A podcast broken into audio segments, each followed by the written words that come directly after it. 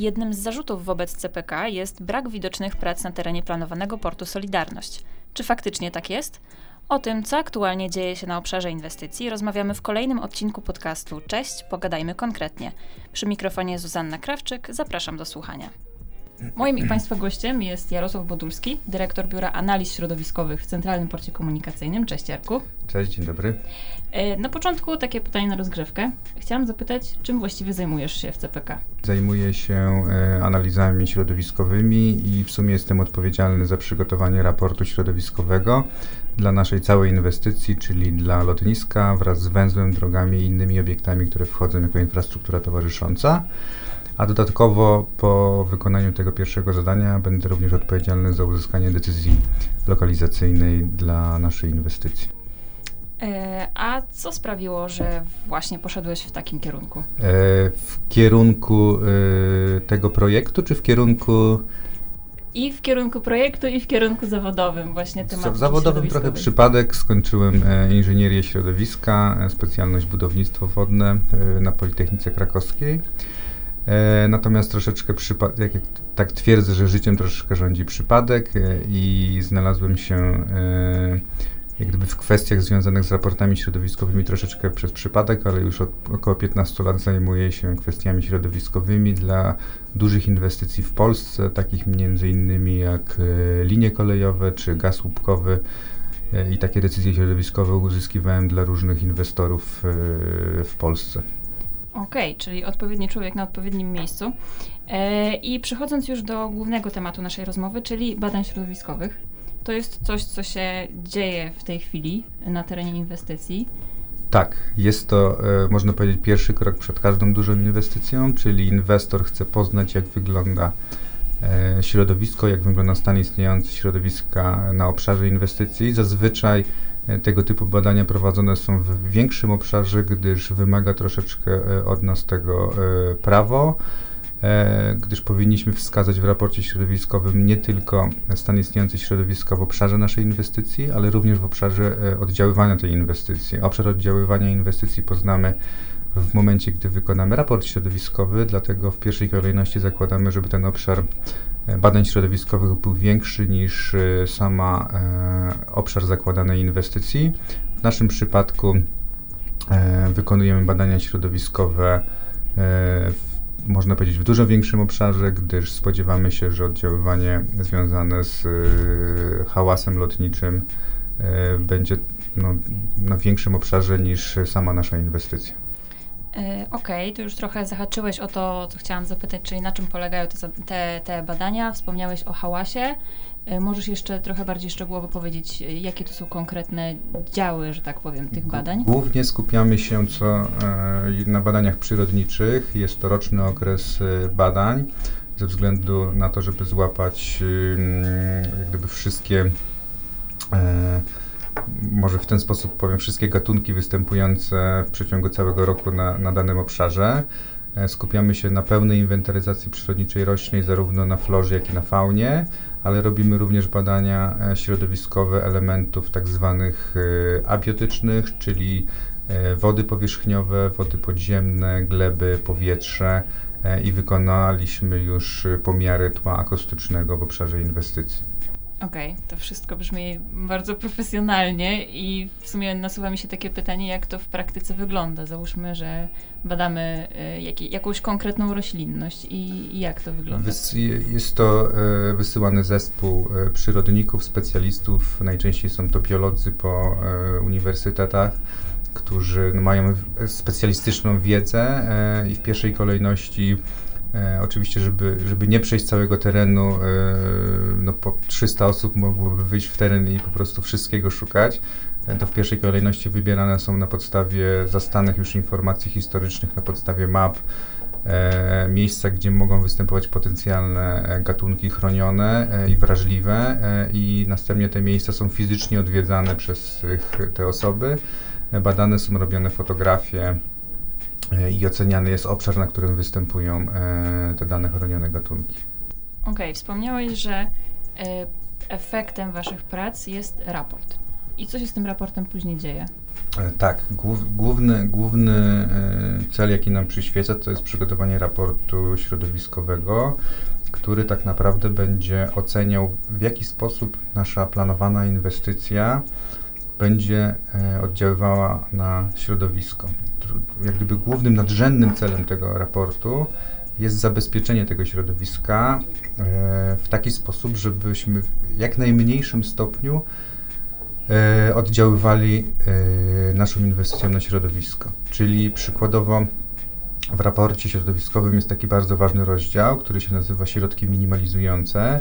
To negatywne oddziaływanie, czyli przykładowo e, stosujemy ekrany akustyczne e, przy drogach czy przy liniach kolejowych, żeby zmniejszyć wpływ hałasu na okolicznych mieszkańców, którzy mieszkają e, i będą mieszkali w sąsiedztwie przykładowo tych linii kolejowych, które będziemy również budować w ramach węzła kolejowego, który, który połączymy, którym połączymy lotnisko z istniejącymi liniami kolejowymi.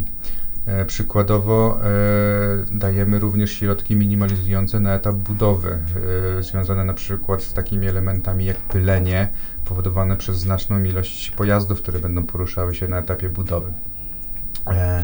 Te wszystkie środki minimalizujące i dodatkowo cały opis e, oddziaływania naszej inwestycji na środowisko znajdzie się w raporcie środowiskowym i zostanie przedłożony do e, Regionalnego Dyrektora Ochrony Środowiska w Warszawie, który jest odpowiedzialny zgodnie z prawem za wydanie decyzji o środowiskowych uwarunkowaniach dla naszej inwestycji e, i głównym celem jest mojego zespołu jest właśnie uzyskanie tej decyzji środowiskowej, która następnie będzie tak zwana skonsumowana przez, yy, przez pozwolenie na budowę czy decyzję lokalizacyjną, gdyż e, decyzja środowiskowa jest załącznikiem do wniosku o pozwolenie na budowę czy do wniosku o decyzję lokalizacyjną. Okej, okay, czyli de facto ten raport jest takim nieodzownym elementem tego, żeby w ogóle jakakolwiek budowa takiej inwestycji miała miejsce. Tak, znaczy raport środowiskowy jest również wymagany e, prawem, e, nie, nie, wykonuje się go dla każdej inwestycji, natomiast jest e, rozporządzenie tak zwane kwalifikujące, które stwierdza dla jakich inwestycji powinniśmy wykonać raport środowiskowy, a dla jakich jest, nie jest, znaczy dla jakich jest to konieczne, bo nie wskazuje tam wszystkich inwestycji, które mogą być. Mhm. E, jeszcze tak mi przyszło do głowy, załóżmy, że na terenie inwestycji okazuje się, że jest jakiś gatunek chroniony. E, nie wiem, czy jakieś siedlisko, jakiś zwierząt, czy może jakieś, jakaś chroniona roślinność i co wtedy? E, no to jest, jest, kilka dróg. Możemy sami zaproponować kompensację, czyli jak gdyby nasadzenie tego gatunku w innym miejscu, odpowiednim środowisku lub przeniesienie tego gatunku, jeśli chodzi, to, jeśli chodzi tutaj o roślinność. Natomiast chodzi... w naszym mhm. przypadku y, teren lotniska nie znajduje się w obszarach y, Natura 2000, w związku z tym nie spodziewamy się do tej pory, y, też nie znaleźliśmy jakichś znaczących e, e, chronionych gatunków, które mogłyby nam wpłynąć na naszą inwestycję. A też podkreślmy, że te badania niedługo się kończą. Tak, badania się niedługo kończą. E, do końca roku e, mają być skończone badania e, terenowe. Natomiast samo opracowanie powinniśmy dostać od naszego wykonawcy do końca stycznia 2022 roku. No, wykonawca musi mieć czas teraz na, na przygotowanie raportu z tych badań terenowych, na przygotowanie raportu z inwentaryzacji przyrodniczej. Tu mamy jeden wyjątek, tylko gdyż dodatkowo będziemy jeszcze jeszcze wykonywać y, badania e, ptaków i płazów e, na wiosnę 2022 roku. To będzie takie uzupełnienie do raportu środowiskowego. E, tutaj uznaliśmy, że ze względu na warunki pogodowe, które panowały w 2021 roku na wiosnę, warto byłoby dodatkowo jeszcze te, dwa, te dwie grupy przebadać, żeby mieć uzupełnienie pełny mhm. obraz y, gdyby, tego środowiska naturalnego, które występuje na naszym obszarze naszej inwestycji. To jest podcast. Cześć, pogadajmy konkretnie. Wspomniałeś też już o badaniach terenowych, y, bo badania przyrodnicze i badania terenowe to są dwie różne rzeczy. No, trochę tak można, i trochę nie. Znaczy, podzieliłbym to raczej in, trochę inaczej. Badania, e, inwentaryzacja przyrodnicza jako badania terenowe e, elementów biotycznych mhm. i badania terenowe też elementów abiotycznych, czyli takich jak woda, gleba, powietrze. Mhm. I, I to i to są badania terenowe, czyli są tak, tak wykonawcy, którzy pracują w terenie, pobierają próbki, wykonują e, pomiary, a następnie później przedstawiają to w opracowaniach e, dla nas i te opracowania będą użyte albo jako załączniki do raportu środowiskowego, albo wie, wiedza, którą pozyskamy z tych, z tych badań terenowych zostanie e, przetworzona przez autorów poszczególnych rozdziałów i włożona do raportu środowiskowego. Okej. Okay. Mm, czy w trakcie tych badań dotychczas przeprowadzonych y, trafiliście na coś zaskakującego albo coś nietypowego? E, na szczęście nie, powiem w ten sposób. E, e, na szczęście nie trafiliśmy na nic wrażliwego, jeśli chodzi o środowisko. Oczywiście takim najbardziej elementem, na który zwracamy uwagę w związku z położeniem naszego lotniska są rzeki. Mamy rzekę Pisie Gongolinę i Pisie Tuczną. Jesteśmy w sąsiedztwie tych rzek, a, można tak powiedzieć, że badania, które są prowadzone środowiskowe obejmują również te rzeki i wykonujemy też e, na tych rzekach e, zarówno e, pomiary przepływu wody, jak i pobieramy próbki wód do badań laboratoryjnych. Wszystko oczywiście wykonujemy w, wszystkie badania wykonywane są w laboratoriach akredytowanych, także mamy wyniki akredytowane, jeśli chodzi o czystość tych wód. No i, i, i, na tym będziemy się również skupiać w raporcie środowiskowym. E, to wszystko też będzie zależało konkretnie od położenia naszego e, lotniska i węzłów kolejowych, e, czyli od tego, co dostaniemy od naszego masterplanera. Wstępne, wstępne wyniki już mamy, natomiast czekamy na oficjalne przedstawienie jeszcze przez masterplanera, już konkretne usytuowanie E, pasów startowych e, i, i, i, naszego lotniska i elementów towarzyszących, no bo pamiętajmy, że lotnisko to nie są tylko drogi startowe, przepraszam, tu poprawię, poprawię się, bo koledzy zawsze mówią, że nie pasy, tylko drogi startowe. E, i konkretne usytuowanie tych dróg startowych, plus jeszcze wiele elementów towarzyszących i, i budynków, które są nieodzownym elementem lotniska. No i też pamiętajmy, że te badania to jest interakcja z mieszkańcami, którzy teraz tam są. No i właśnie, jak oni reagują na, tych, na te nasze zespoły badawcze? Po, powiem tak, niektóre e, badania e, wymagają e, współpracy, te przyrodnicze nawet współpracy z mieszkańcami, gdyż takie grupy jak nietoperze często zamieszkują stare budynki czy strychy starych obiektów, stodoły, obory, różne obiekty, no i żeby móc jak gdyby sprawdzić, czy, czy występują e, w takim starym budynku nietoperze, no to musimy oczywiście uzyskać zgodę właścicieli, żeby wejść do tego budynku. I tutaj powiem, że, no, że jest różnie. Niektórzy bez problemu wpuszczają po, po, po przekazaniu przez wykonawcę tych badań, że, że to są badania środowiskowe, sprawdzamy tylko liczebność, liczymy te nietoperze, e, czy one są rzeczywiście, czy występują, gdzie jest ich siedlisko. E, a niektórzy no, nie zgadzają się, także mamy zarówno e, i takie, e, i taką postawę, i taką postawę z, z osób. Też y, chciałam zapytać o kwestię historyczną, a konkretnie o wątek archeologiczny w tych badaniach. E, jeśli, jeśli tutaj też można to połączyć, no bo jednak te tereny, y, które są badane, no, są też istotne historycznie pod względem chociażby frontu I wojny światowej, to, tak? To, to postępujemy, jakbym mógł tak powiedzieć, dwojako. W pierwszej kolejności do wyboru lokalizacji już konkretnej, do, e, korzystamy z, z, badań, e, z informacji istniejącej, czyli z ewidencji zabytków Wojewódzkiego Konserwatora Zabytków, jak i gminnych ewidencji zabytków. Tu przede wszystkim zwracamy uwagę też na rejestr zabytku, zabytków, który znajduje się w Wojewódzkiego Konserwatora Zabytków, czyli tak, gdyby te zabytki naj, najwyżej w hierarchii mm, najbardziej istotne.